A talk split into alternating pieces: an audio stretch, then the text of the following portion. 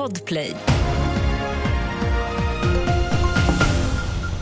Vi börjar med att Amnesty International presenterar en granskning idag av fyra fall av dödligt våld riktade mot civila på Västbanken. I skuggan av kriget i Gaza hävdar Amnesty att israeliska styrkor begått övergrepp på Västbanken som borde granskas av internationella brottmålsdomstolen.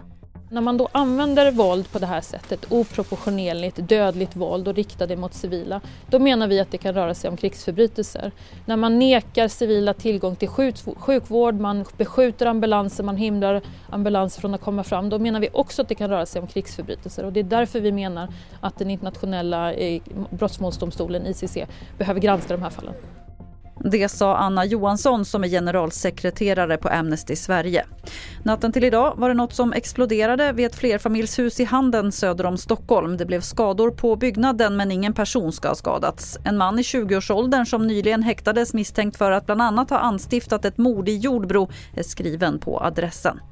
Matpriserna har börjat öka igen. Under januari höjdes priset på livsmedel med i snitt en halv procent vilket är den största ökningen sedan mars förra året. Det här enligt Matpriskollen. Mest ökade priset på olja, falukorv och torkad frukt och priserna väntas fortsätta stiga under våren. Fler nyheter finns på tv4.se. Jag heter Lotta Wall.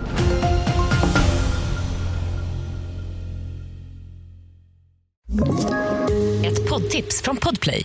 I podden Något Kaiko garanterar östgötarna Brutti och jag, Davva, dig en stor dos skratt.